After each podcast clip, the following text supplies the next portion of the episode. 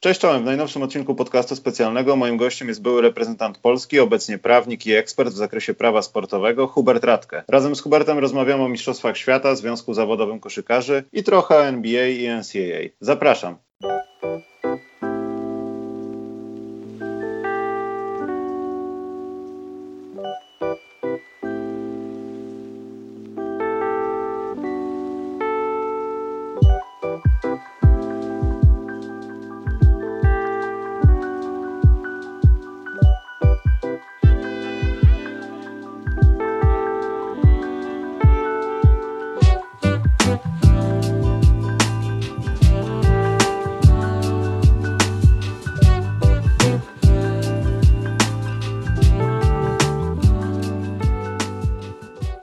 Hubert, bardzo mi miło, że zagościłeś w skromne progi podcastu specjalnego. Cześć Michał, e, dziękuję za zaproszenie przede wszystkim i witam także wszystkich e, słuchaczy. Słuchaj, zanim porozmawiamy o tych sprawach najważniejszych e, związanym, związanych bądź co bądź z nowym sezonem, bo organizacja Związku Koszykarzy będzie no, miała swój debiut powiedzmy, to chciałbym zamknąć już raz na zawsze, bo wiesz, już tak dużo rozmawiamy o tej kadrze Polski, dużo się mówi w mediach i bardzo dobrze. Chciałbym poznać odczucia Huberta Radke, byłego zawodnika, który tam gdzieś też w kadrze był, na temat tego, co się wydarzyło na Mistrzostwach Świata. Jak duży to był sukces, Twoim zdaniem? Czy to był w ogóle sukces? Jak to odbierasz wszystko, co tam się stało?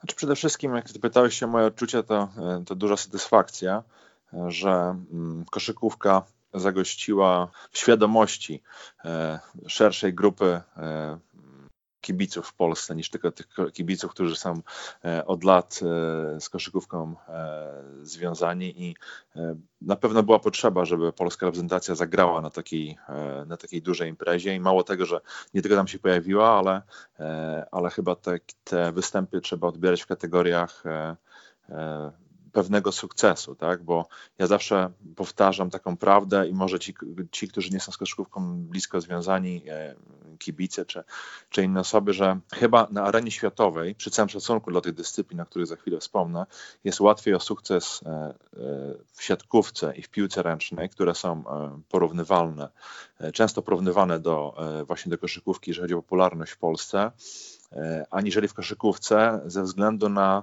konkurencję, tak? Czyli w koszykówce, krótko mówiąc, koszykówka jest drugim najbardziej popularnym na świecie sportem po piłce nożnej e, i e, dużo więcej drużyn na wysokim poziomie rywalizuje tak? niż, niż w siatkówce i piłce ręcznej, nic oczywiście nie odbierając sukcesom e, polskiej reprezentacji w tamtych dyscyplinach, więc to, e, to ósme miejsce, mimo że to nie jest miejsce medalowe na przykład, jakby sobie kibice wyobrażali, czy, jakby, czy miejsce w pierwszej czwórce, to, to ósme miejsce jednak trzeba odbierać w kategorii e, pewnego, pewnego sukcesu i, i powinniśmy się z tego wszyscy cieszyć. Ja mam pełną satysfakcję z tego, że, że polska koszykówka była widoczna w świecie i także świadomości e, szerszego grona osób w Polsce. No ale powiedz, jesteśmy w stanie, bo wiesz, no tak trochę wzięliśmy gwałtem ten turniej, no bo te e, eliminacje były inne, wykorzystaliśmy dobrze ten czas, że ten, tak, to grono tych zespołów, które mogło grać o Mistrzostwo Świata e, było powiększone i pewnie tak zostanie, ale tak patrząc z naszej perspektywy, myślisz, że jesteśmy w stanie to utrzymać?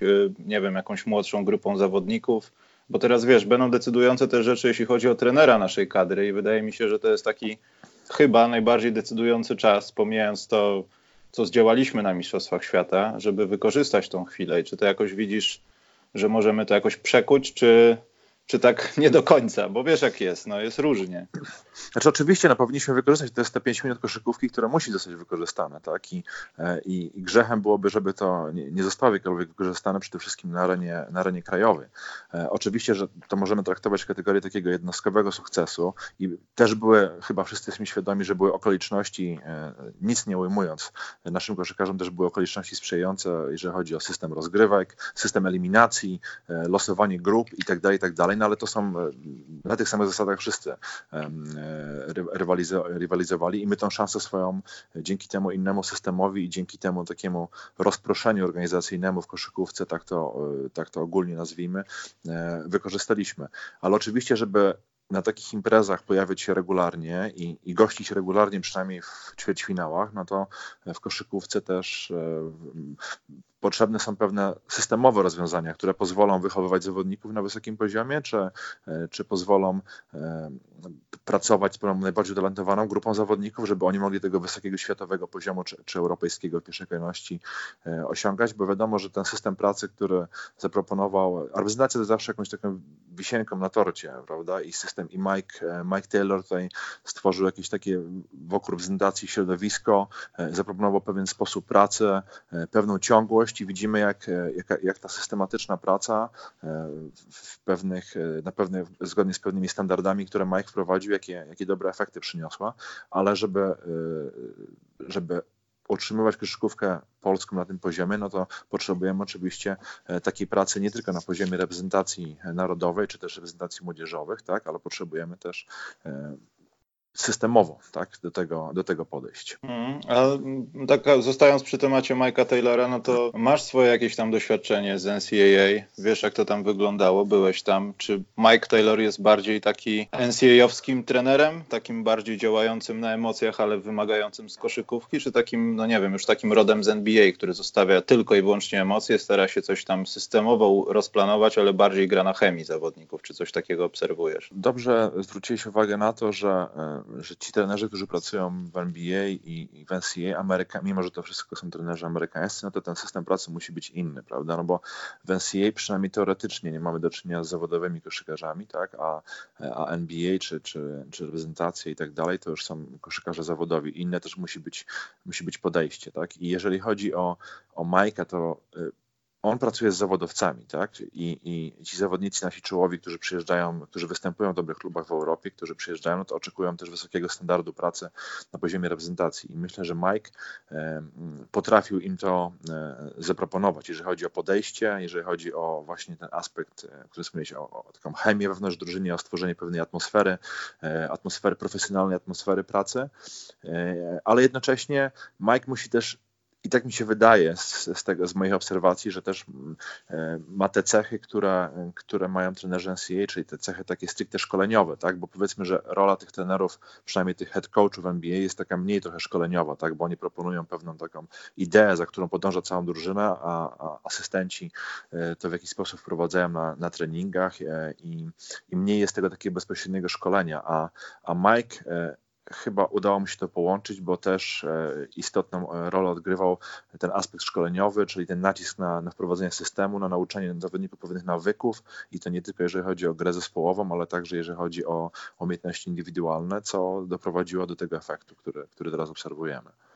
Mm. Też no, ta ostatnia sprawa, wiesz, to co powiedziałeś, e, jeśli chodzi o takie systemowe podejście do rozwoju naszej młodzieży, no bo niewykluczone to będzie jak to Amerykanie mówią, faktor X dalszego rozwoju naszej kadry. Czy ty widzisz jakichś zawodników, którzy mogliby jeden do jednego teraz przyjść do kadry, czy na razie zostajemy przy tym, co mamy?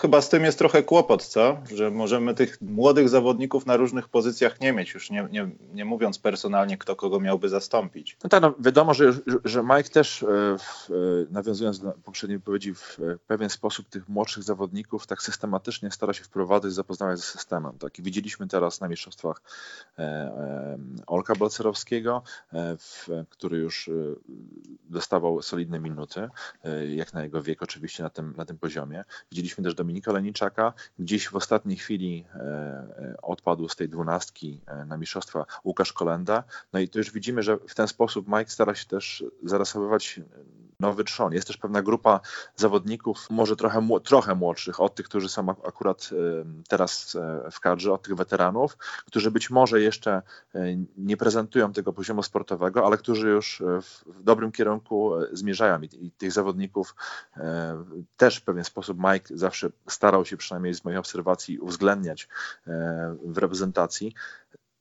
Oczywiście, że są też zawodnicy z grup młodzieżowych i to nie mamy czasu na, na robienie pełnego e, przeglądu tego wszystkiego i w, a, a propos tych, tych, tej systemowości tego wszystkiego, wydaje mi się, że żeby wiadomo, że zależy też od, od, ten poziom szkolenia zależy też w pewnym stopniu od, od, od talentu zawodników, ale, ale, musimy te talenty, talenty szukać, tak? A tu jest potrzebna pewna masowość, czyli zachęcenie, zachęcenie młodych ludzi e, do tego, żeby mm, do koszykówki przychodzili, tak? Bo przynajmniej z tego, co się powszechnie twierdzi, no to e, koszykówka przegrywała rywalizację o tych młodych ludzi, którzy rozpoczynają treningi. W ostatnich latach no, z, pił, z piłką nożną to jest trochę odrębny temat, ale, ale przede wszystkim z, z siatkówką z piłką ręczną, czyli krótko mówiąc więcej dzieci tam e, chciało iść e, do tamtych dyscyplin niż, e, niż do koszykówki, a jeżeli uda nam się te proporcje zmienić w pewien sposób i jeżeli uda nam się ściągnąć więcej dzieci, no to siłą rzeczy będzie też więcej talentów. No, trochę, długo, trochę długofalowa perspektywa,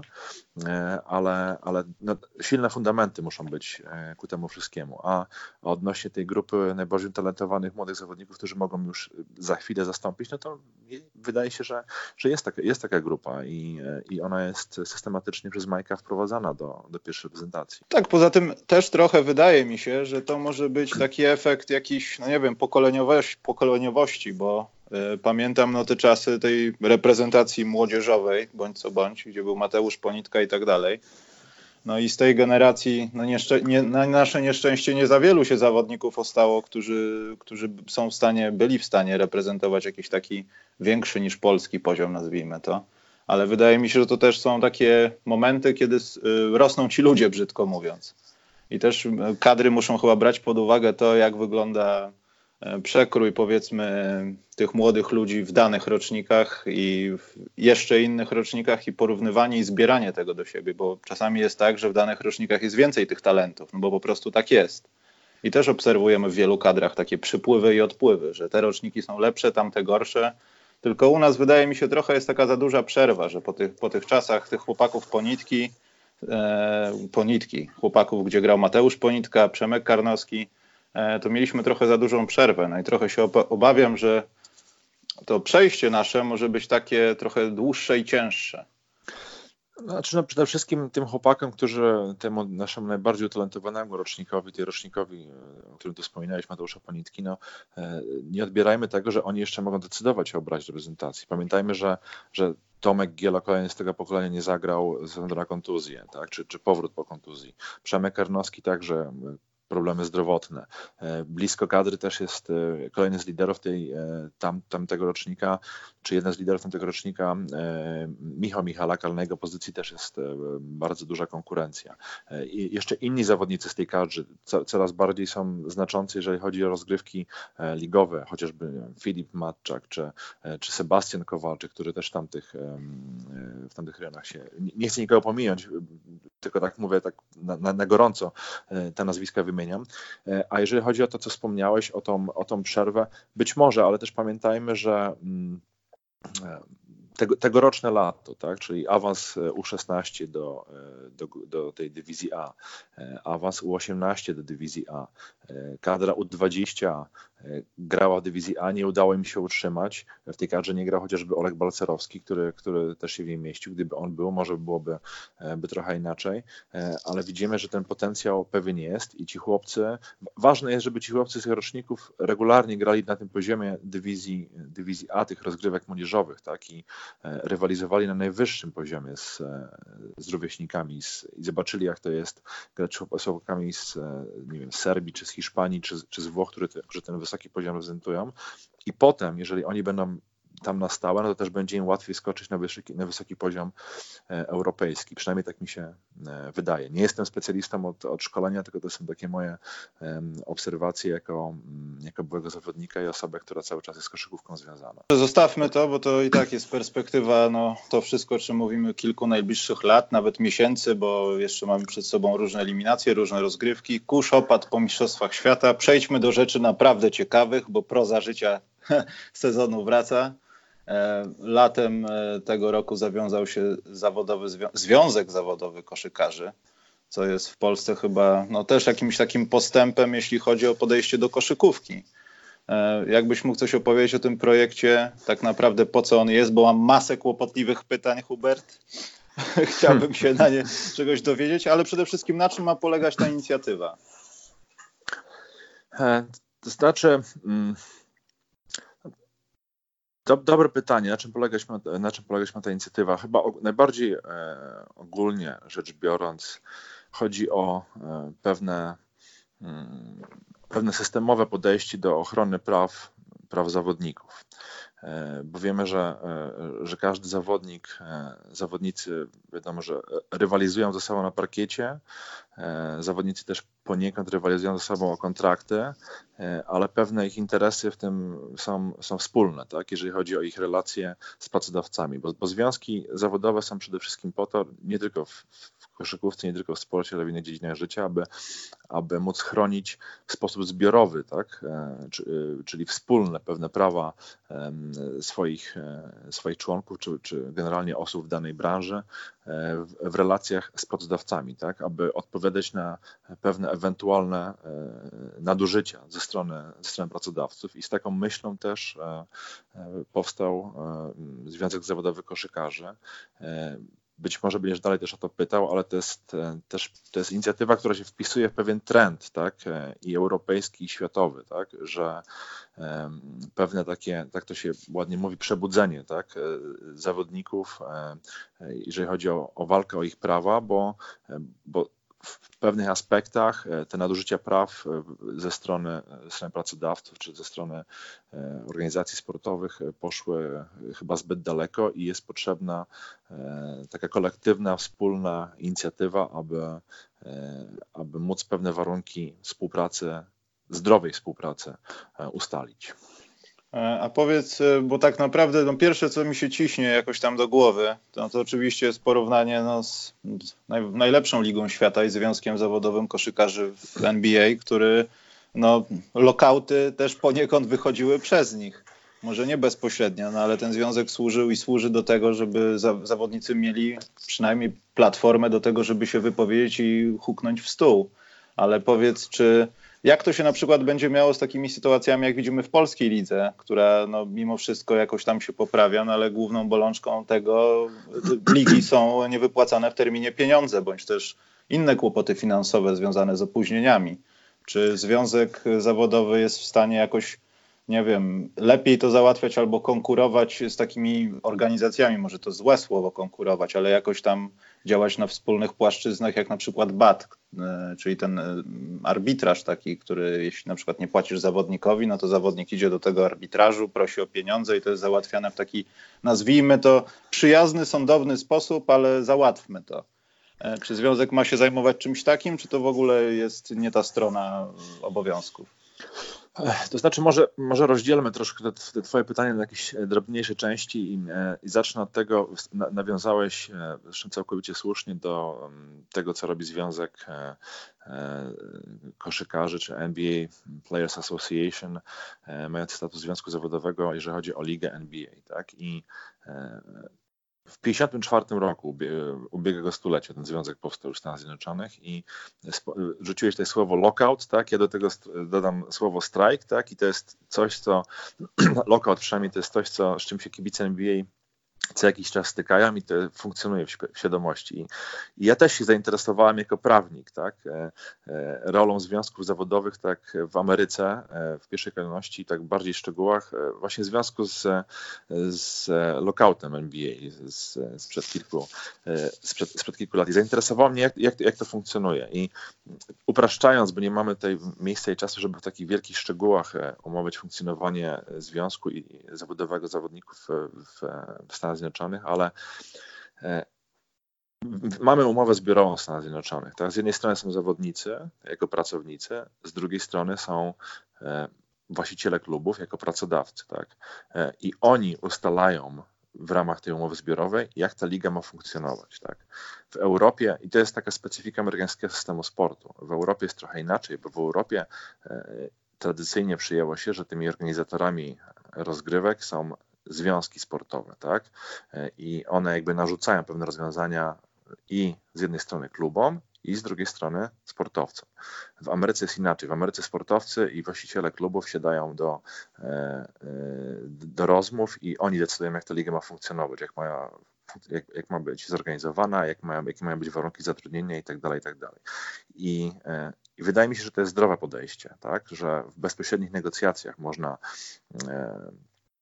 to wszystko wypracować. Oczywiście, kiedy te negocjacje nie podążają w tym kierunku, w którym by jedna lub druga strona oczekiwała, no to e, albo jedna strona, pracodawcy mogą ogłosić lockout, jeżeli takiej umowy zbiorowej e, nie ma, jeżeli się stara kończy i nowej jeszcze nie ma, albo mogą zawodnicy zastrajkować, jeżeli powiedzmy warunki tej umowy zbiorowej są, e, są łamane. To są pewne takie instrumenty prawne, które przy, przysługują jednej lub, e, lub drugiej stronie, ale generalnie to porozumienie jest i na podstawie tego porozumienia e, w NBA, NBA funkcjonuje. I, I Związek Zawodowy w Ameryce też, narusz, też narodził się tak, w, w tej połowie ubiegłego stulecia z tego względu, że właściciele klubów narzucali pewne rozwiązania prawne, czy, czy narzucali im pewną treść umów e, zawodnikom, z tym zawodnicy się nie zgadzali. Uważali, że to jest ich naruszanie praw pracowniczych i dlatego sięgnęli do instytucji e, Związku Zawodowego. I teraz przechodząc na płaszczyznę europejską, tak, czy za chwilę na płaszczyznę polską, tak, i teraz podobne rzeczy dzieją się w, w, w Europie, w Polsce, w, w ligach, w różnych dyscyplinach e, sportu i tą najbardziej prozaiczną przyczyną, to jeżeli chodzi o rynek europejski, czy jeżeli chodzi także o polską e, ligę, no to jest e, wiadomo e, brak regularności w, w płatnościach, tak? Czyli, czyli Jak to delikatnie nazwałeś, Hubert? Bardzo lubię to określenie. No, regularność niewypłacanie, czy niewypłacanie to jest ta taka najbardziej fundamentalna przyczyna. Oczywiście jest, e, jest szereg innych z nią, z nią powiązanych, jak, jak bezpodstawne zwolnienia zawodników, czy, czy jakieś wymuszenia obniżenia wynagrodzenia, czy niewypłacanie wynagrodzenia w sytuacjach, e, w sytuacjach kontuzji, czy wymuszanie takich postanowień kontraktowych, które e, chyba mało osób sobie zdaje sprawę funkcjonujących w innych branżach, tak, że, że, tak, tak, że sportowiec, y, indywidualny sportowiec stoi naprawdę w bardzo nieuprzywilejowanej pozycji, tak, i jego prawa, w do tych praw, które mają, e, mają osoby w innych branżach, są e, na drastycznie niskim poziomie, tak, e, i, i rolą związku zawodowego to jest oczywiście pewien proces, tak, jest to, aby aby w drodze przede wszystkim, tak, i to podkreślam zawsze i to podkreślaliśmy, jak, jak powoływaliśmy związek, jak była konferencja, tak, że, że chcemy usiąść do stołów rokowań tak, z klubami, abyśmy wypracowali zdrowe dla wszystkich zasady współpracy. Tak, między innymi po to, aby nie pojawiały się takie sytuacje, e, jak już tutaj sięgamy naszego krajowego podwórka, że e, jest problem braku tej wypłacalności, czy braku regularności wypłacalności i i potem widzimy pokłosiem tego jest no, kluby upadają, tak? Sytuacja, e, ewenement chyba, w, e, przynajmniej według, według mojej najlepszej wiedzy, e, w, jeżeli chodzi o koszykarskie ligi europejskie, że rok po roku, ostatnie trzy lata i trzy kluby wycofują się z rozgrywek, tak? I, i podążają w kierunku e, likwidacji, czy, czy mówiąc tak kolokwialnie, bankructwa. Tak? Bo, bo mieliśmy w Polsce sytuację Turowa z Gorzelec, mieliśmy sytuację e, Czarny Słupsk, w tym sezonie Azdesu Goszalin i chyba to jest trochę taki sygnał, tak, że coś jest nie tak, jeżeli chodzi o, e, o te kwestie finansowe w lidze nawiązałeś też do, do arbitrażu i e, zestawiłeś to jakby z, z, ze związkiem. To, to jest trochę, trochę inna, mm, inna płaszczyzna działania, prawda? Bo arbitraż może zastępować sąd w rozwiązywaniu sporów indywidualnych, tak? Między, no w naszym przypadku między, między zawodnikiem powiedzmy a, e, a, a klubem, tak? Czyli to jest jakby organ mm, o charakterze sądowym, tak? I e, wszyscy tutaj mówią głośno o, o bacie, bo w, bo w europejskiej czy w ogóle światowej koszykówce taki sąd arbitrażowy, e,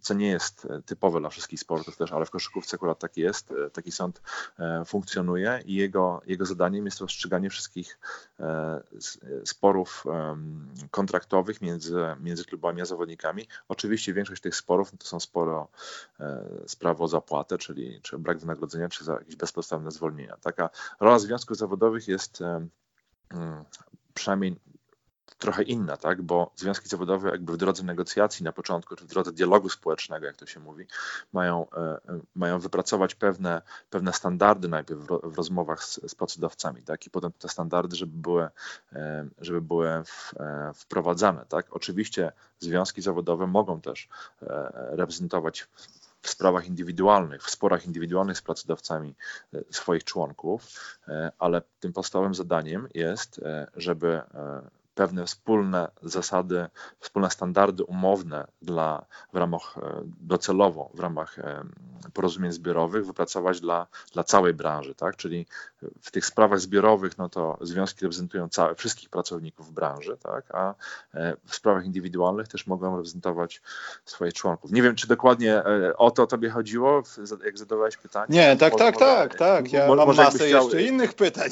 Jeszcze masz innych pytań. Także to jest tak, taki, tak w zarysie to, e, to starałem się, się przedstawić, ale oczywiście e, pewne kwestie wymagają uszczegółowienia, tak, i możemy dalej o tej rozmawiać. Ja wszystko rozumiem i też zdaję sobie z tego sprawę, że ten związek zawodowy ma funkcjonować na takich zasadach, żeby zrobić wszystko w ramach tej pracy, tak jak powiedziałeś, przed, żeby reprezentować zawodnika, pomagać, dogadywać się, żeby do tego arbitrażu ewentualnego nie doszło, bo to jest ostatnia już deska ratunku dla zawodników i tutaj podałeś przykład klubów bankrutujących, ale dla mnie taką ja wiem o tym, że to nie wynika też z tego, że prezes X jest złośliwy i śpi na pieniądzach, ale moim zdaniem bardziej takie są drażliwe sprawy i też nie, nie chcę rzucać nazwiskami, ale myślę, że to tak się obiło po opinii publicznej. Byli zawodnicy, którzy no, grali, byli w formie i są dalej w formie i prezes X nie wypłacał im pieniędzy, bo nie, mimo że ich drużyna grała o powiedzmy no, jakieś tam cele europejskie. I to jest moim zdaniem chyba większa patologia, jeśli ktoś ma pieniądze teoretycznie, ale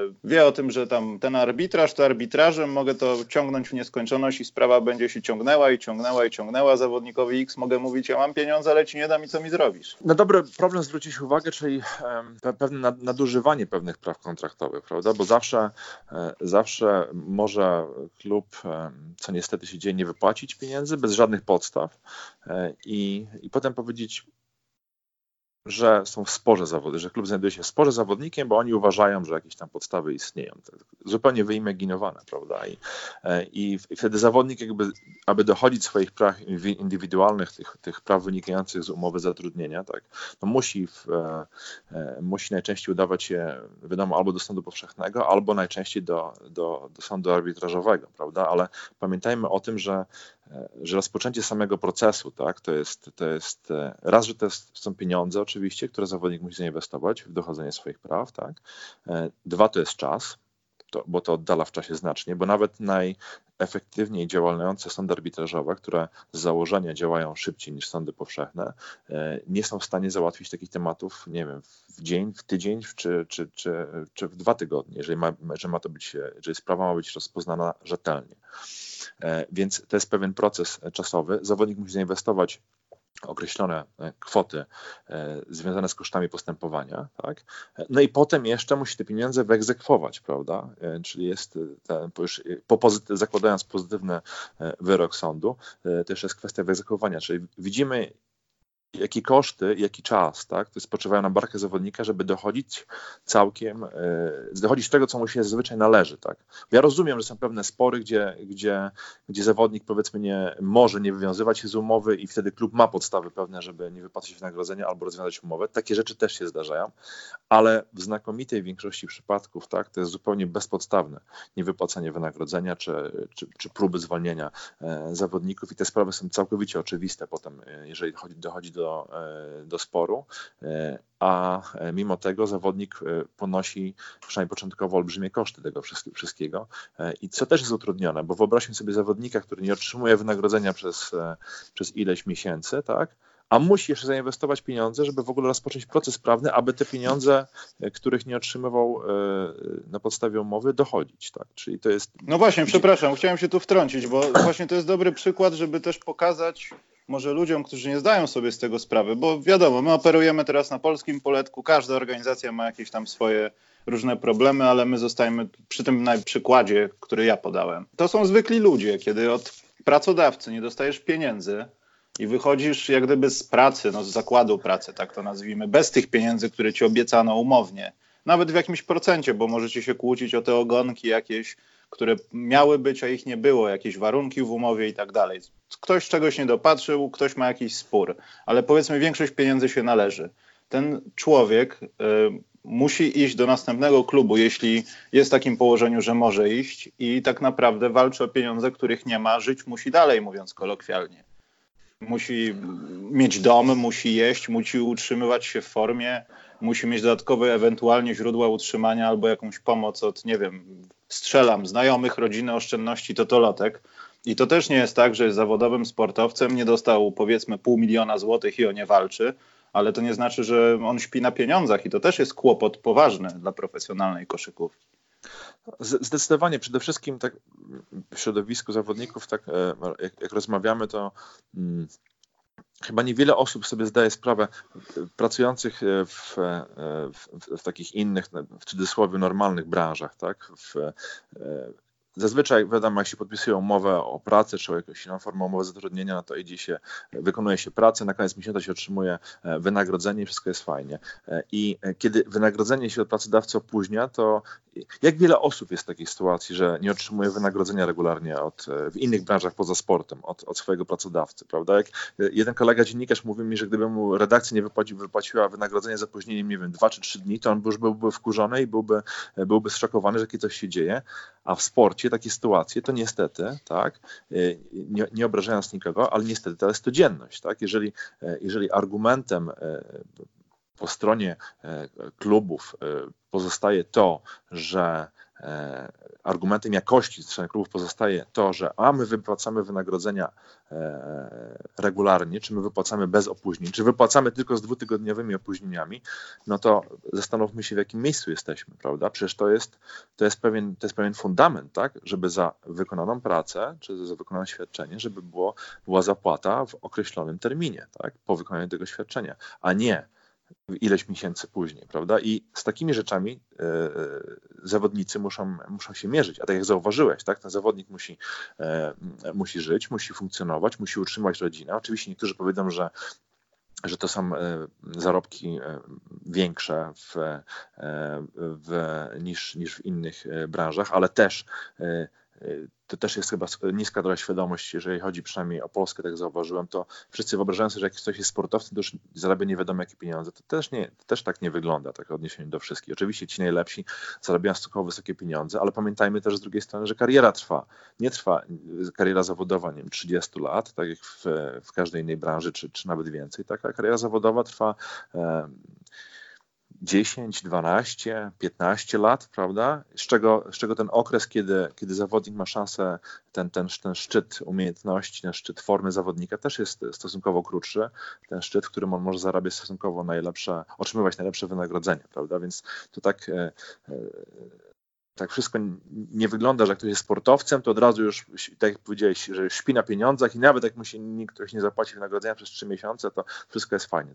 Tak nie jest, prawda? Bo, e, znaczy wiesz, musi, może musi tak jest w Stanach, ale w Polsce no, no, musimy, no tak, oczywiście, że, że, że tak jest w Stanach. Tak my tu zawsze patrzymy na Stany Zjednoczone przez pryzmat e, ligi NBA, prawda? Gdzie w tej chwili tego problemu nie ma, tak? Ale kiedy przykładowo, nawiązując do, do wcześniejszych, wcześniejszych elementów rozmowy, e, ale ten problem był, w latach 50., 60. Tam też był problem opóźnienia niewypłacalności, tam, tam też kluby upadały, tak? Przecież e, chyba ci najbardziej e, najgorliwsi kibice NBA też e, wiedzą, jak się NBA kształtowała. Ta, ta fuzja ABA, NBA, lata 70. to nie był taki różowy czas dla koszykówki. E, ten okres prosperity, który się zaczął powiedzmy w, w połowie czy pod koniec lat 80., na przełomie lat 80., 90., i który trwa nadal, gdzie teraz NBA ma olbrzymią mowę telewizyjną, gdzie, gdzie salary cap rośnie, gdzie zawodnicy zarabiają ogromne pieniądze.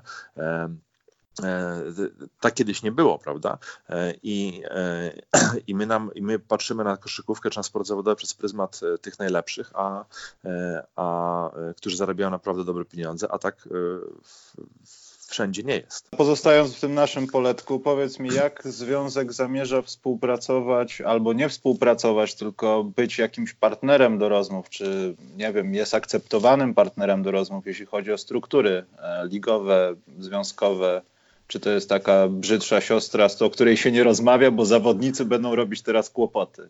To znaczy, na pewno związek, związek dopiero powstał, tak? I to jest pewien proces, aby do tych stołów, do tych przysłowiowych stołów rokowań usiąść w pewnym momencie. I, i w tej chwili podstawowym e, zadaniem, czy podstawową częścią pracy związku w tej chwili jest aby pokazać pozytywne aspekty które, zawodnikom, tak? I zachęcenie ich do tego, aby do związku wstępowali, prawda? No bo chyba tutaj nie będę e, oryginalny, czy nie odkryję e, przysłowiowej Ameryki, jak powiem, że jeżeli chodzi o e, sferę działalności związków zawodowych, no to zawsze siła jest w tej, w tej jedności tak, wszystkich zawodników w branży i tylko dzięki temu można osiągnąć sukcesy. Więc tutaj ta grupa członków założycieli, tak, w, czołowych zawodników polskich. Też e, e, jest zaangażowany Marcin Gorta, jako przewodniczący, jest zaangażowany Adam Waczyński jako e, kapitan, kapitan reprezentacji polskich koszykarzy. Jest zaangażowany ikona polskiej koszykówki Łukasz Koszarek i, i pozostali także wiodący czołowi zawodnicy i oni, ich, ich świadomość powiedzmy była najwyższa tak, w momencie tworzenia związku i oni też są po to, żeby tą świadomość swoją przekazać pozostałym zawodnikom w lidze, czy, czy młodszym zawodnikom w szczególności. To też dobry tutaj przykład, nie wymieniłem akurat, e, Szymon Szawczyk, tak, który też weteran, wieloletni reprezentant Polski, znakomity koszykarz, który miał znakomite doświadczenie, jeżeli chodzi o, e, o rolę związków zawodowych. Przez wiele lat grał w lidze włoskiej. Tak? W tej lidze włoskiej Związek Zawodowy Zawodników funkcjonuje, tam funkcjonuje umowa zbiorowa i wie, jakie korzyści są z tego płynące. Więc to jest ta, to jest ta podstawowa rola w tej chwili, aby, aby zachęcić wszystkich, pokazać, pokazać tą pozytywną wartość, jaką związek może przynieść, tak?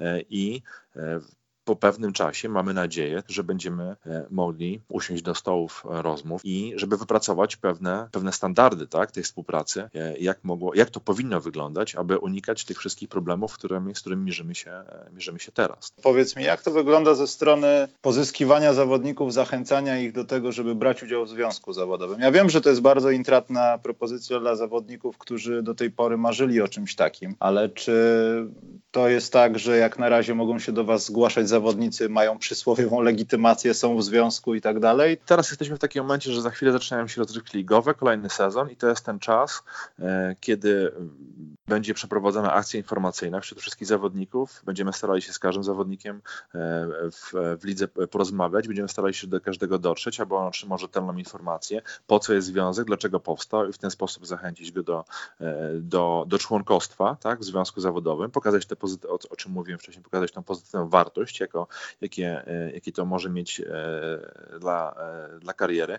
W tej chwili już, już, już na etapie tworzenia, tak, w, przecież związek nie powstał, jak widzimy, się pewnej wąskiej grupy ludzi, ale to mówiło się o tym już od dłuższego czasu, tak? I w środowisku jest taki głos, jest potrzeba, tak? I nawet po samej konferencji, czy nawet po tym momencie, kiedy został związek utworzony, już było wiele, wiele pozytywnych e, głosów, telefonów, czy, czy chłopacy, którzy się zaangażowali w tworzenie, czy, czy ja odebraliśmy i, i zawodnicy e, cieszą się z tego, tak? Że coś takiego powstało, tak? I wierzą, że to może przynieść poprawę sytuacji, jeżeli chodzi o warunki zatrudnienia wszystkich. Czy widzisz to jakoś ogólnie w przyszłości, wiesz, jak miś Bareja y, widzimy w przyszłości, jak gdyby rosnącą, ale czy jest szansa na to, że za tym związkiem zawodowym dojdziemy do momentu, ja wiem, że to utopia jest to, co powiem teraz, ale do takiego podziału obowiązków, jak właśnie przy, przywołałeś przykład NBA, jak zaczęły się tworzyć struktury, że był związek, zarząd właścicieli, potem zarząd ligi, to wszystko się złożyło jak gdyby w takie trzy twory, które przychodzą jak gdyby do stołów negocjacyjnych, kiedy nie wiem, trzeba umowę zbiorową no, nową ustalić, czy tam podzielić się pieniędzmi od telewizji, które tam mają kontrakty. Czy widzisz, że w Polsce jest taka szansa usystematyzowania tego. Wiesz, nawet nie mówię o salary cap, żeby wszystko było w porządku i pieniądze były w 100% transparentne, kto jaki ma budżet, kto ile wydał. No wiadomo, że ten przykład amerykański jest zawsze taki najbardziej najlepszy, bo to, ta organizacja funkcjonuje od wielu lat i funkcjonuje świetnie, prawda? Ale, ale też, tak jak wspominaliśmy wcześniej, ten system sportu amerykańskiego jest troszeczkę inaczej skonstruowany. Nie do końca wszystko e, prawnie. To, co jest tam za oceanem, możemy przełożyć tutaj na,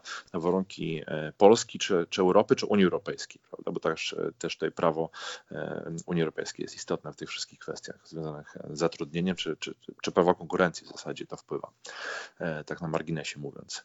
Ale spójrzmy na przykład innych lig europejskich. Tak? Wspominałem tutaj o, o lidze włoskiej. Tam funkcjonuje od kilkunastu lat Związek Zawodowy Zawodników jest umowa zbiorowa. Tak samo w lidze francuskiej, tak samo w lidze hiszpańskiej, gdzie w połowie lat 80. już powstał Związek Zawodowy Koszykarzy. Tak? Mówię to o tych związkach koszykarskich, bo nie dotykajmy innych dyscyplin sportu. I one funkcjonują, i tam też jest umowa zbiorowa. W Hiszpanii nawet mamy, e, mamy jakieś e, takie zasady wypracowane e, odnośnie tych, tych free agents, tak, w tej, w tej umowie zbiorowej, tak, czyli nie ma takiego swobodnego przechodzenia z klubu do klubu po, po, po zakończeniu kontraktu, wbrew prawu Bosmana, które funkcjonuje w Unii Europejskiej, można powiedzieć poniekąd, ale to było wynegocjowane w umowie zbiorowej z drugiej strony między zawodnikami a, a, a pracodawcami. I, te, I chociażby w tych trzech ligach, jeszcze w innych ligach, tak, te związki funkcjonują dobrze.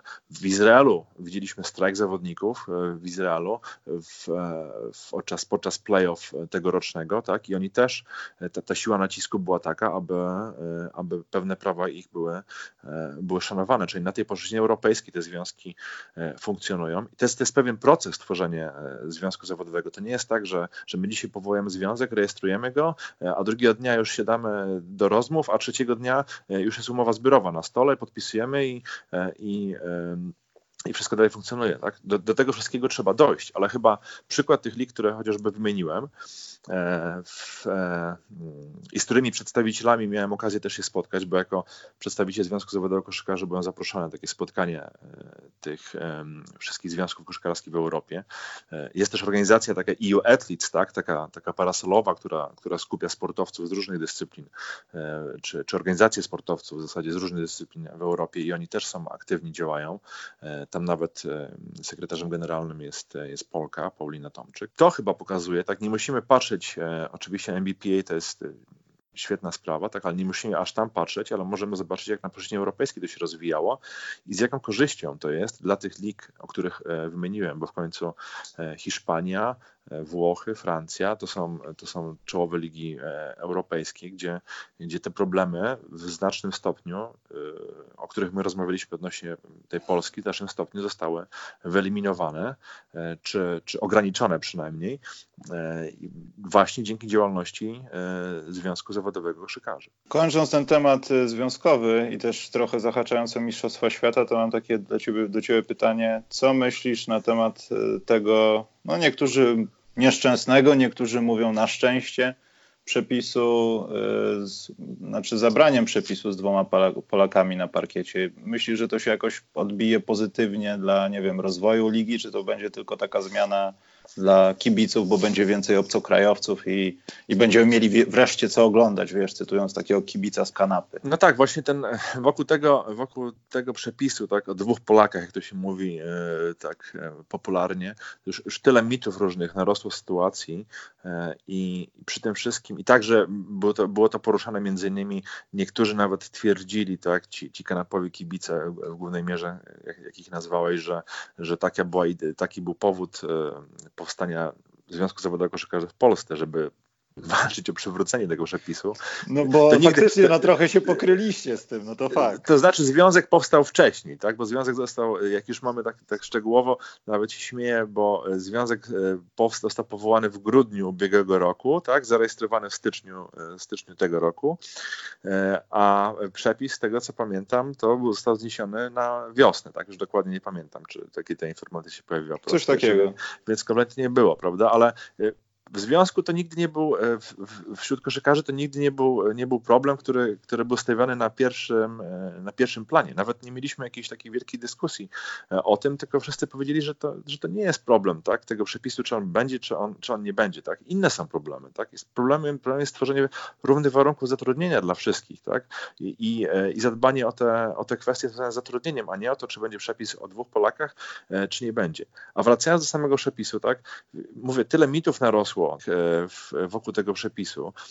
Głównie takich, e, że wręcz obarczano winą za istnienie tego przepisu zawodników. A pamiętajmy, Polaków. E, tak, Polaków, polskich zawodników obarczano winą za istnienie tego przepisu. I oni byli, można powiedzieć, że oni byli ofiarami w tej sytuacji, tego, tej, tego, że ktoś się obarczał. W końcu to nie zawodnicy decydowali o istnieniu tego przepisu, prawda? Tylko kluby i, i, i liga, i, i, i Związek Koszykówki decydował o, o wdrożeniu tego przepisu. A zawodnicy, oni, czy byli beneficjentami, to jest inne pytanie tego przepisu. I e, tutaj wszyscy mówili, że e, mityczne już wypowiedzi o tym, że zarobki polskich zawodników wzrosły z, z tego powodu. Nie chcę odpowiedzieć na to pytanie, czy tak było, czy tak nie było, ponieważ e, nikt tego nigdy rzetelnie nie zbadał. Żeby, żeby to stwierdzić, to, to było bardzo ciekawe badanie swoją drogą, ale żeby to stwierdzić, powinno być przeprowadzone rzetelne badanie z wszystkimi danymi i to badanie będzie mogło być przeprowadzone wprowadzone dopiero za kilka lat prawdopodobnie, czy jaki, jaki był wpływ na zatrudnienie polskich zawodników i na ewentualne wynagrodzenia polskich zawodników e, w okresie istnienia tego przepisu i, i po tym przepisie, bo na razie tutaj bazujemy, bazujemy tylko na takich bardzo emocjonalnych, e, emocjonalnych przesłankach, tak? jeżeli, chodzi o ten, jeżeli chodzi o ten przepis. Tak? A takiej rzetelnej analizy ekonomiczno-prawnej i wpływu tego, na, wpływu tego na rynek, no to niestety nie mieliśmy, a, a powinna być przeprowadzona. A już najgorsze z tego wszystkiego, jeszcze raz zaakcentuję, było to, że winą za istnienie tego przepisu byli obarczani zawodnicy polscy, którzy na jego istnienie nie mieli żadnego, na jego wdrożenie nie mieli żadnego wpływu. Mało tego, wydaje mi się, że ten przepis, wiesz co, był wprowadzony chyba z taką myślą, w ogóle ten zamysł o pozostawianiu na siłę koniecznie dwóch Polaków na parkiecie był i słusznie całkiem, tylko myślę, że mógł być inaczej, nie wiem, wyartykułowany, zaplanowany, nazwany, wszystko jedno. Chodziło tutaj przede wszystkim o to, żeby młodzi Polacy mieli szansę jakieś grania w drużynach, które powiedzmy mają na tyle dużo pieniędzy, że mogą budować się obcokrajowcami, już nie mówię o Amerykanach. E, I nagle ten przepis zamienił się w coś takiego, że to było takie trochę niechciane dziecko właścicieli klubów, no bo słuchajcie, jak mamy ten przepis, a nam trochę zabraniają, no to też tak do końca w tych na przykład pucharach pograć nie możemy, więcej biletów nie sprzedamy, bo ktoś tam nie przyjdzie, kto może dawać wsadę na przykład cały mecz i tylko dlatego ludzie będą chcieli oglądać, albo ma nazwisko, albo po prostu zespół odnosi sukces. I to trochę taki był rykoszet tego, co miało tak naprawdę być. I też zgadzam się z tym, że ten przepis o dwóch Polakach to może nie do końca, ale może powinniśmy pomyśleć o, tak jak zaczęliśmy naszą rozmowę Mistrzostwa Świata i szukanie młodych talentów, od czegoś takiego, nie wiem, no, ciężko też szukać po klubach struktur, które mają młodzieżowców, no ale w większości są żeby przy, właśnie dla takich zawodników robić miejsce, ale nie obudowywać tego tak bardzo finansowo. No tak, ale też spójrzmy, jak już tak rozmawiamy o tych, o tych kwestiach narodowościowych, tak, bo, bo to o to głównie chodzi w, w naszej lidze, czy możliwości zatrudnienia zawodników z Polski i zagranicy. W wielu ligach funkcjonują przepisy, które stwarzają pewne limity obecności zawodników wywodzących się z danego kraju. E, w, takie przepisy są we Włoszech, e, czy, czy, czy inaczej może też, czy też ograniczenia w zatrudnieniu obcokrajowców spoza Unii Europejskiej, i, mhm. z krajów, i z krajów tam powiązanych w, w różny sposób z Unią Europejską. Bo na przykład we Włoszech mamy przepis, że musi być ilość Włochów w składzie drużyny. W Hiszpanii mamy przepis, że hiszpańskie kluby mogą zatrudniać tylko dwóch amerykańskich zawodników. Może być nieograniczona liczba z Europy, tak, z Unii Europejskiej i tych mhm. krajów tam stowarzyszonych w różny sposób, ale z e, amerykańskich zawodników może być tylko dwóch. I, I, tak samo w innych, w lidze niemieckiej jest podobnie. Tak? I w większości lig takich europejskich, tych wiodących, funkcjonują przepisy, które w pewien sposób chronią tak, zawodników krajowych. Tak? I e, znając specyfikę europejską, nie wydaje mi się, żeby to było możliwe wyeliminowanie e, tego, tych przepisów całkowicie, bo koniec końców każdy klub, czy, czy kibice, może w zasadzie kibice klubu będą chcieli oglądać na parkiecie zawodników lokalnych, tak? I oni się utożsamiać z zawodnikami lokalnymi e, do pewnego stopnia. Oni nie są w stanie utożsamiać się często z drużynami, w których jest rotacja obcokrajowców, którzy najczęściej, to też jest specyfika rynku e, koszykarskiego w Europie, te kontrakty są najczęściej jednoroczne, najdalej dwuletnie, prawda? E, I ciężko jest utożsamiać się w, tylko i wyłącznie, kibic chce oglądać pewien trzon drużyny, tak? który się powtarza, tych samych chłopaków, tak? W, którzy doprowadzili do klub do sukcesów, czy którzy walczą klubu.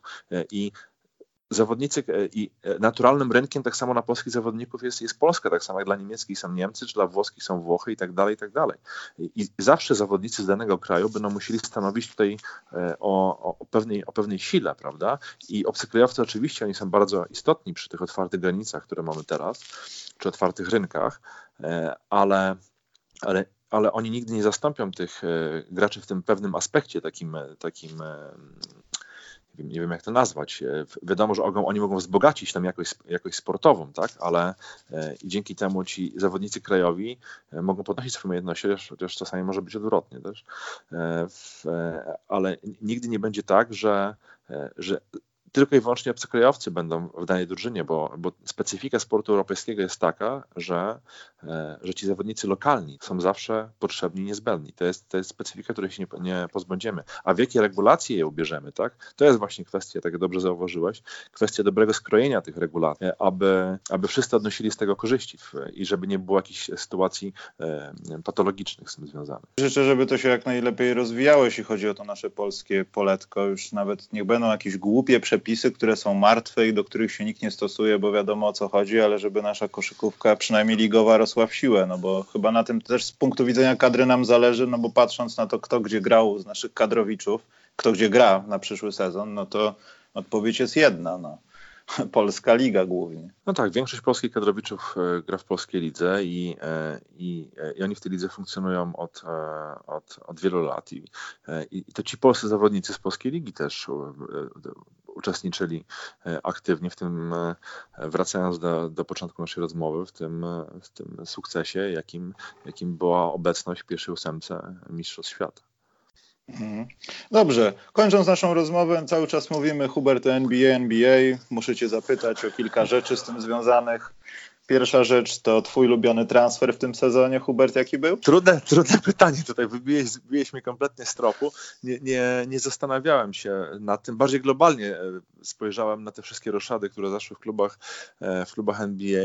Wiadomo, że też mhm. zawsze je, je tak, e, to już tak z racji tego mojego przywiązania zawodowego też, też je analizuję pod takim kątem prawnym, tak? czyli jak, jak te regulacje, które są tam z oceanem wpłynęły na to wszystko. Wiemy, że też ten NBA ma trochę problemów tak, z tym z nakłanianiem jednych graczy przez drugi do zmiany klubów, czy, czy żądaniem transferów przez niektórych graczy do innych klubów, i, e, bo, bo cała idea NBA jest to, żeby, e, żeby jeden zespół, jeden, jedna drużyna nigdy nie zmonopolizowała e, rozgrywek do tego stopnia, że będą zdobywali mistrzostwo zawsze, tak jak to obserwujemy na przykład w piłce nożnej w Europie, że w Hiszpanii zawsze wygrywa w gruncie rzeczy Real Madrid albo Barcelona, prawda? NBA, idea NBA jest to, żeby każdy miał poprzez ten system draftu, poprzez, poprzez salary cap i, i wszystkie te inne ograniczenia rynkowe, żeby, żeby ten, e, stworzyć e, równe pole do rywalizacji dla wszystkich drużyn i żeby po rotację, jeżeli chodzi o te, o, te, o te sukcesy i pod tym kątem też na to patrzyłem. A jaki ulubiony, jaki ulubiony transfer? Chyba, chyba takiego na dzień, dzisiejszy, e, na dzień dzisiejszy nie mam. Nie jest tajemnicą, bo już tam mówiłem kilka razy, że e, ja od, od, wielu lat jestem e, kibicem, jeżeli tak można w ogóle, mogę powiedzieć dzisiejszym, z mojej dzisiejszej pozycji, czy kibicuję Lakers i zawsze... Oj, to bardzo niedobrze. No. To, bardzo, to bardzo niedobrze, ale słucham dalej. Nie, tak, nie uprzedzam to, się. To, to, też tam kiedyś mówiłem, ciekawa historia z tym związana, to był po prostu pierwszy zespół, który gdzieś tam na kasetach VHS jeszcze widziałem jako, jako chłopiec, bo to był tam przełom lat 80. i 90., kiedy takie VHS, kasety VHS mój tata dostał i te mecze sobie oglądaliśmy e, od, od znajomego. E, przy, przy, przywiózł je kiedyś tam e, taki znajomy trener i ale wracając, no i zawsze patrzę ciekawie, na, jak, jak to się kształtuje w Lakers, tak? E, ta sytuacja i, i przez ten pryzmat patrzyłem. Aczkolwiek nie, nie, nie powiem, żeby to były żeby, żeby transfery, które, które mają, przeprowadzili Lakers, żeby bardzo mi imponowały jako, jako, jako fanowi tej drużyny. Tak. Ale co, zabrakło ci rozmowy z Kałajem? Czy, czy wystarczyło ci, że przyszedł Antony Davis i już jesteś content? Wiadomo, że każdy ma swoich graczy, których bardziej lubi, których, których mniej lubi i, i, i tu się różne bierze, bierze kwestie pod uwagę, bo każdy ma jakieś swoje upodobania, to jest, to jest rzecz, rzecz, e, rzecz gustu i każdy by w swojej drużynie chciał oglądać tych graczy, których, których najbardziej lubi, czy, czy nawet zestawienie tych graczy niekoniecznie, niekoniecznie pierwszego planu. Kiedyś bardzo na przykład lubiłem, e, e, lubiłem e, Shane'a Battier, tak jak, jak, jak grał, dopingowałem mu przez, e, przez wiele lat, mimo że nigdy nie grał w takim jakimś klubie, któremu, e, który, który bardzo lubiłem, ale miałem go okazję też oglądać podczas finałów NBA na żywo, e, jak, jak w, dla Kanal Plus, jak komentowałem to. A w tej chwili w Lakers mi brakuje takiego gracza, który bym tak, którego bym tak bardzo, bardzo lubił, czy, czy najbardziej cenił spośród tych wszystkich gwiazd. Tak to może ja gdybym miał być na, naprawdę złośliwy, to bym powiedział, że Lakers brakuje jeszcze kilku graczy, żeby. No, żeby... prawdopodobnie tak. Oczywiście zobaczymy, jak to się potoczy, bo ja też jestem już tak się nauczyłem, że jestem jak najdalszy od, od, od ferowania jakichś, jakichś typów, e, ferowania wyroków, jeżeli chodzi o, o rezultaty drużyny, bo, bo naprawdę wiele czynników ma na to wpływ, jak to się ułoży e, i tak dalej, i tak dalej, ale e, no, Lakers chyba nie są jeszcze na tej drodze, gdzie mogliby nawiązywać do tych wielkich tradycji, tak to może ujmę dyplomatycznie, jak na kibica. Lakers. Poza tym też, wiesz, dla mnie chyba najciekawszą sytuacją, ja, wiadomo, NBA, NBA, ale to też może przy następnej twojej wizycie pogadamy, to jest ta sytuacja z NCAA, no bo tam już na poziomie legislacyjnym zaczynają się dziać rzeczy mm -hmm. o płaceniu mm -hmm. zawodników. Tam ustawa teraz gdzieś tam chyba kalifornijska jakaś przeszła. No, Kalifornia która... i ostatnio i teraz e, też jest procedowana w stanie Nowy Jork e, taka ustawa dopuszczająca płatności za wykorzystanie wizerunku zawodników, którzy występują w koledżu. Także możemy spodziewać się, że w najbliższym czasie prędzej czy później mi się wydaje, że ten problem będzie rozstrzygany przez, yy, przez sądy wysokich instancji w Ameryce, jeżeli nawet nie przez sam Sąd Najwyższy, bo yy, chyba już wszyscy są świadomi tego, że, że ta idea amatorstwa w NCAA już jest kompletnie fikcyjną ideą, w szczególności biorąc pod uwagę e, te zyski e, uniwersytetów, tak, które... Tak, które poza tym wiesz, też chciałem o tym powiedzieć, zapytać, no wiesz, mamy Zajona, Zajona teraz Williamsona w NBA, mhm. to jest osoba, która tam gdzieś może w strefie chce, nie chce, może przypominać nam trochę LeBrona Jamesa i to, co by się ewentualnie działo z LeBronem Jamesem, gdyby teraz przychodził do NBA, mówię tu nawet o rzeczach jak social media i tak dalej, mhm. Ale y, jestem bardzo ciekaw, jak to się rozwiąże ze względu na NBA, bo to jest trochę wirtualny problem dla NBA, płacenia zawodnikom młodym z EAU nawet, ze szkół średnich i tak dalej, mhm. E, ale odbija się i tak na NBA, bo potem NBA i też zarabia na tych zawodnikach, ale już w taki sposób, że oni zarabiają też na tym, że są w NBA ale kto wie, czy uwolnienie te, tych płatności, tego w ogóle systemu ekonomicznego dla tych zawodników, żeby wreszcie zarabiali, a nie koledże i organizacja, może w jakiś sposób się odbić dla NBA. To myślę, że jest dosyć ciekawe.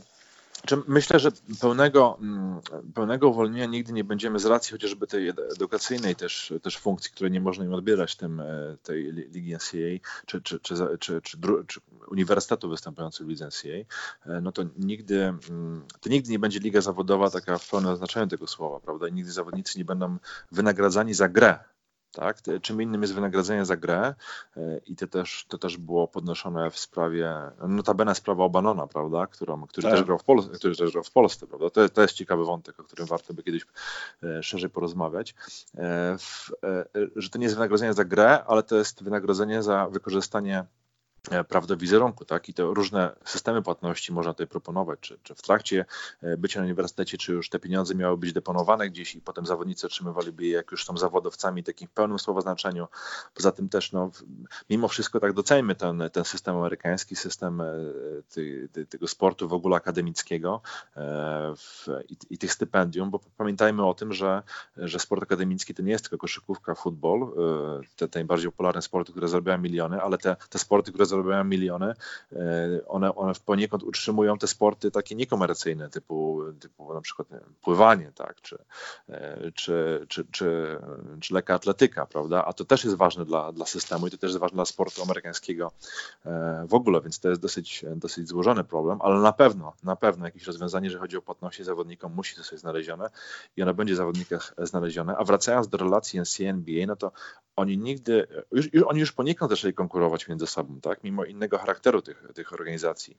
Tu mamy ligę zawodową, a tam mamy organizacje skupiające uniwersytety, ale oni już konkurują. Przecież utworzenie kilka lat temu czy już naście nawet w, e, przez NBA tej ligi, taki Developmental League, tak, która się teraz nazywa G League, tak, no to i e, przyciąganie tych zawodników, e, w, którzy nie są jeszcze gotowi na ligę NBA, ale chcą już zarabiać pieniądze, i nie chcą grać w, e, w koszykówce akademickiej z tego powodu, tak, no to jest właśnie już, już w zasadzie bezpośrednia konkurencja. Tak? To nie jestem specjalistą od prawa konkurencji, ale mogę wyobrazić sobie sytuację, gdzie to już będzie mowa o, o pewnym pewnym rynku, tak, w, e, o definiowaniu pewnego wspólnego rynku, tak, na, na, potrzeby oceny prawa konkurencji, e, jeżeli chodzi o ligę, o ligę, o G League, tak, i jeżeli chodzi o NCAA, no bo, no bo i, i poniekąd też do pewnego stopnia ta League przejmuje też funkcję edukacyjną. Nie, nie, nie, jeżeli chodzi o sport, ale także jeżeli chodzi o sprawy takie inne, życiowe, bo wiemy, że ci zawodnicy też mają różne zajęcia, różne są programy wdrażane, też między innymi przez Związek Zawodników, aby edukować tych zawodników życiowo, no bo oni już nie dostają takiej edukacji, jaką z założenia mają dostawać na, e, na uniwersytecie. Czyli widzimy tu już to bezpośrednie starcie tak, w, w tej kwestii. Dziękuję Ci Hubert bardzo za wizytę w naszym skromnym, klimatyzowanym studio podcastu specjalnego. Mam nadzieję, że się spotkamy spotkamy jeszcze w jakichś sprawach takich finansowych, może ten temat NCA byśmy przegadali. No i życzę Ci powodzenia na każdej płaszczyźnie prawniczej. Mam nadzieję, że będziesz wygrywał dużo spraw, że Związek Koszykarski zastraszy Polską Ligę i zmusi ją do takich warunków, żebyśmy mówili o PLK, drugim NBA. Wiem, bredzę teraz, ale mam takie marzenie. No, dziękuję bardzo. Dziękuję za rozmowę, dziękuję za y, zaproszenie do podcastu specjalnego. Mam nadzieję, że ta rozmowa wzbogaci tutaj wiedzę y, słuchaczy i, i, kibiców o, o, tych pewnych aspektach złożonych, jeszcze raz to podkreślę, aspektach y, prawnych, prawno-organizacyjnych zawodowego sportu i, i za oceanem i, i w Europie i na naszym krajowym podwórku. Jeszcze raz dzięki, trzymaj się. Dziękuję.